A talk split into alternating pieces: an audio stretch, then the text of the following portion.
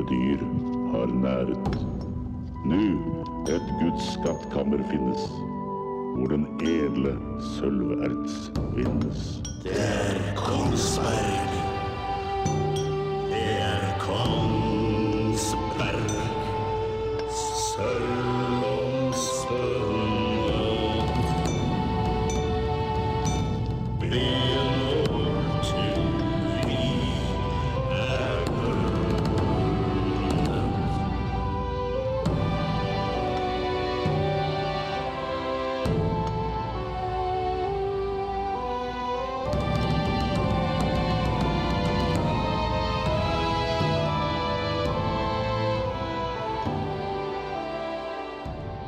Området Sandsvær, eller Samsonberg som det het fra riktig gammelt av, kan vise til århundrer med primitivt bergverk.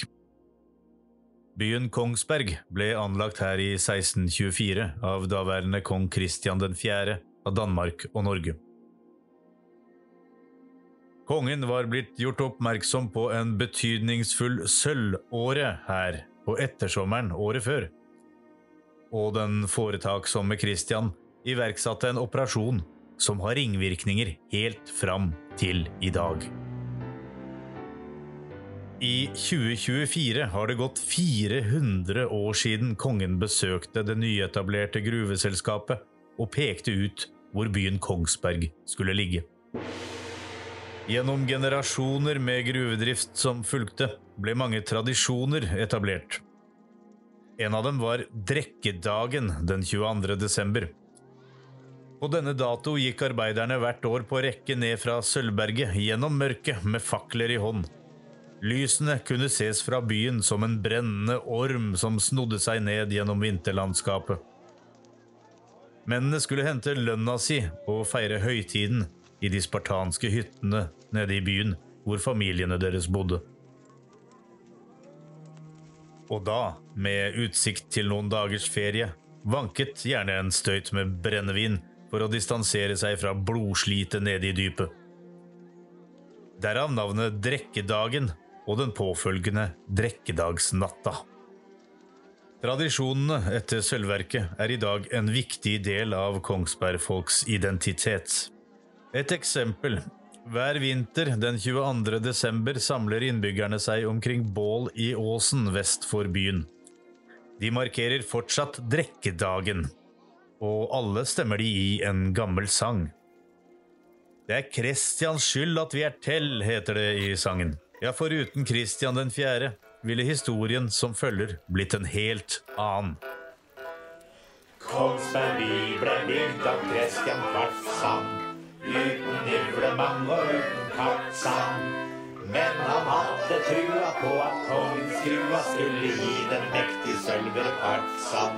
Om det tidsan gikk litt skitsan, så trøst han seg med ull og akevitsan. Fra sitt høye stasan som såsan, der skal bien ligge, kjerka ståsan. Og den stavelågen, den skal frem for noen. Kristian Quarte oss blir lei av slåsan. For et hellsann av skjeden spellsan, Det er Kristians skyld at vi er hellsann. Dette er hellig grunn. Det skal synges på dialekt, og kun tredje generasjon Kongsbergfødte kan reise seg på siste verset. Avvik blir straffet. Hei da. Kom hit litt, da. Ja. Hva var det du sang på andre verset der? Da skal byen ligge, kjerka stå sånn. Det er feil. Det heter kjerka. Med K.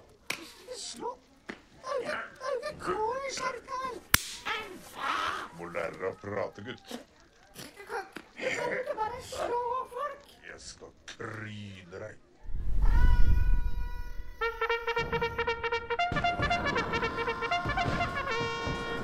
Tilbake til 1624. Kanonene drønner på kontinentet. Det som i ettertid er kalt 30-årskrigen, raser på sitt sjette år og er en av Europas mest ødeleggende kriger. De hardeste kampene utkjempes hovedsakelig i dagens Tyskland, men selv om soldater ikke blør på norsk jord, så har krigen sin innvirkning også her. Kongen strammer grepet i Norge. Skatter kreves inn med stadig større iver. Naturressurser skal kartlegges. Hekser må ryddes av veien, og det skal verves soldater. Kristian 4. er en av de virkelig store krigshisserne. Han var blitt styrtrik etter å ha beskattet handelen mellom østersjøiske havner og resten av verden. Fortjenesten bruker kong Kristian på overdådige byggeprosjekter og oppbygging til krig mot katolikker og svensker. Og krig koster uhyggelig mye penger.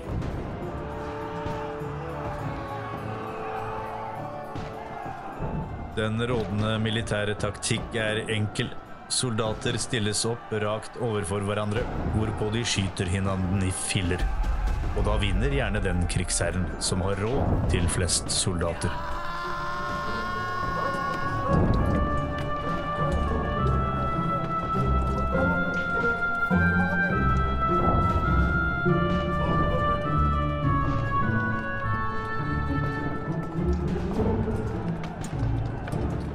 Så når kongen nå får nyss om funn av rent gedigent sølv i Norge, passer det derfor veldig godt. Sølv på denne tiden var enormt verdifullt.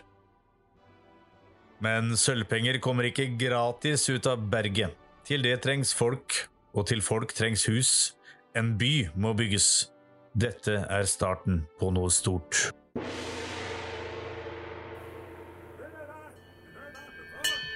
I april 1624 gikk kongen i land ved Bragernes.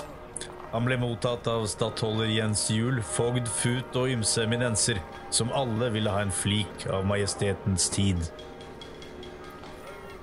Det var så mye de ville ta opp med kongen. Lover, investeringer, lønninger, maktforhold og kirkens anliggender. Men kongen var ikke interessert i geistlig eller verdslig visvas. Med sine betrodde menn skred han straks til hest. Statsanliggender fikk ligge.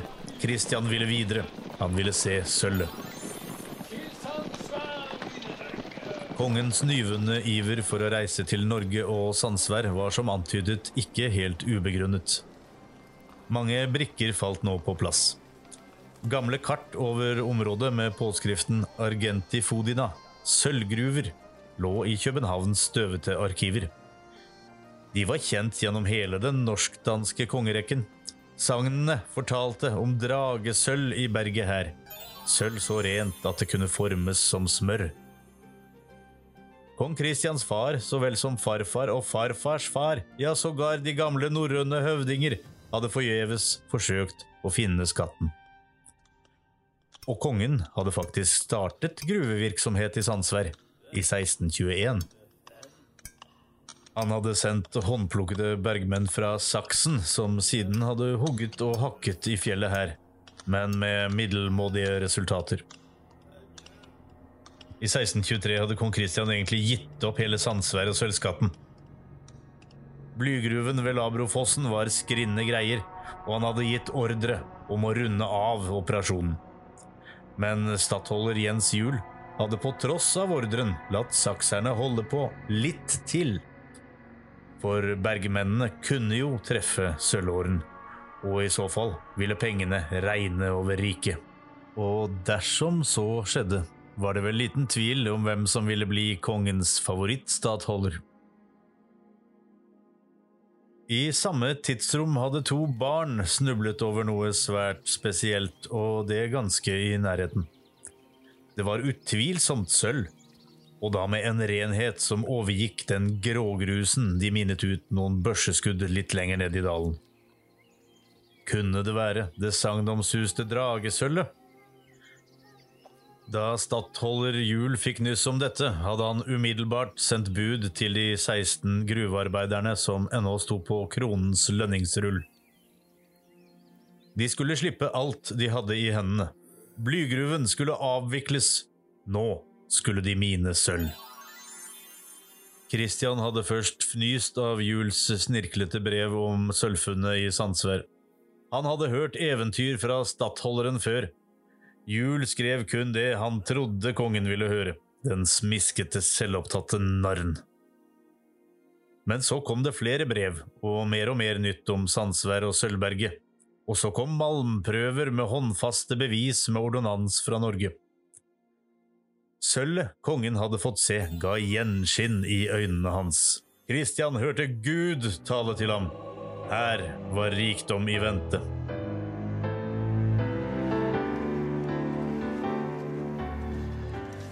Kongen ledet an hestefølge fra Bragernes til Sandsvær, med kammerherre Fredrik Rosenkrantz ved sin side, der krøtterstien var bred nok. Mein Gott! Stattholder hans kanaljer bør jammen meg ha sendt bud i forveien. Jeg vil ha en myk seng med mange kvinner i. Og vin når vi kommer frem. Men det er altså så velfortjent. Gi meg en øl, Tor Rosenkrantz. Jeg er tøst som en ørken. Vær så god, herre konge. Vi skal bare passere over denne hersens Batsegru ås, og så begynner vi å stige ned til Sandsvær. Nå på høy tid. Min røv er mør, og mine kongelige juveler likeså. Åh, er det noe nytt fra dette Sølvberget? Hva sa budbringeren som just var her? Han sa at bergmennene har brutt seg et par fauner ned i berget. De beretter at det ser ut til at de kan komme til å finne betydelig mer, mein herr. Og så ved Gud, jeg håper det trengs en mektig sølvepart for å få råd til å reise ny her med soldater som det er litt sprut i. Mm. De jeg leide sist, ble jo til kattemat. Med sølvet herfra, jeg skal knuse svenskekongen og hans hunde her. Jeg skal leie de grimmeste soldater som verden har sett. Klokt, mein herr. Jeg skal kjøpe våpen til å kutte opp paveslikkerne til bitte små biter og servere dem til rottene. Og deres forhuder, de skal tres på en lang snor som skal spennes mellom kirkespirene i København. Så, så, så, herre konge. Ta en slurk av denne.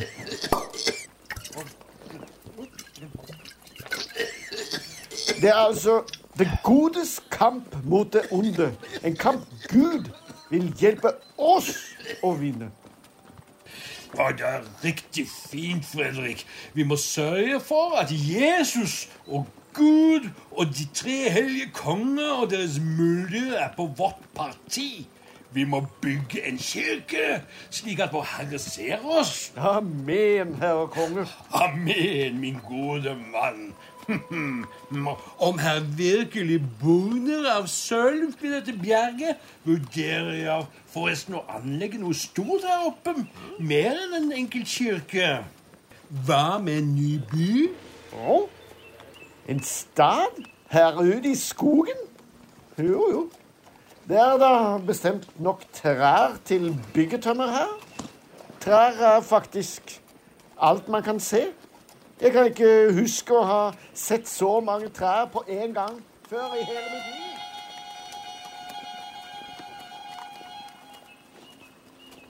Men Conny, de nevnte din møre røv og rojale regalier. Ja, det er allen ridningen. De kongelige juveler er som bankekødd. Ja, og siden vi er på de der kanter, så har jeg noe jeg vil ta opp med dem, Deres Majestet. Ja, så kan man si noe av privat karakter. Ah, fyr nå løs, gamle venn. Du kan ta med meg alt. Jeg har fått et leit utslett omkring mitt lønnlige lem, som det meg en hel del bry. Hva? Ditt lønnlige lem? Beonen? Ja, Deres nåde. Og ved siste orgie orket jeg nesten ikke å ta for meg av kvinnene. Orket ikke kvinner? Hmm, det er da for fanden altfor galt. Ja, og det stikker og klør, herre konge. Og det går ikke over. Man kan da ikke ha det slik. Dette er alvorlig, Rosenkrantz. Uten å ha studert deres lem inngående, så minner det meg om noe soldater på felttog ofte klager over.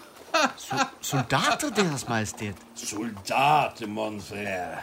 Etter kun få måneder med kjending og plyndring begynner slike symptomer å melde seg. Ach så, så det er et alminnelig problem. Nei, ikke helt ukjent, nei.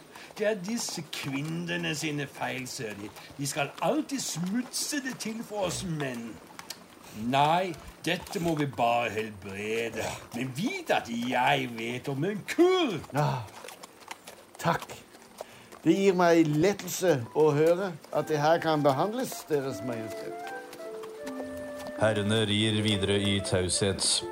Kammerherre Rosenkrantz grubler over sitt høyst private og sjenerende helseproblem. Kristian 4. tenker på kvinner, krig, rødvin, øl og sølv.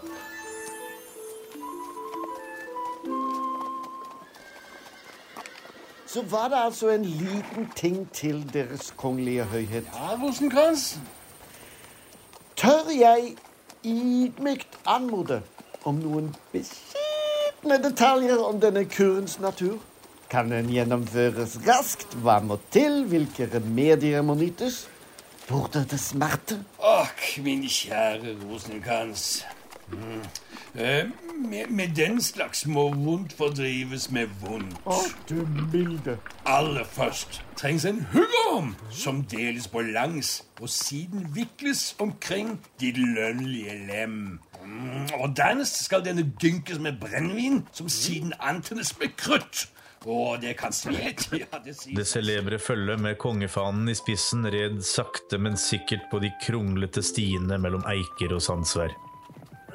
Budbringere red til og fra for å varsle om besøket, og for å forberede det rojale følget på hva som var i vente. Det lå fortsatt flekker av snø, men været var mildt, og solen glitret i trekronene. Som om Vår Herre selv smilte til kongen.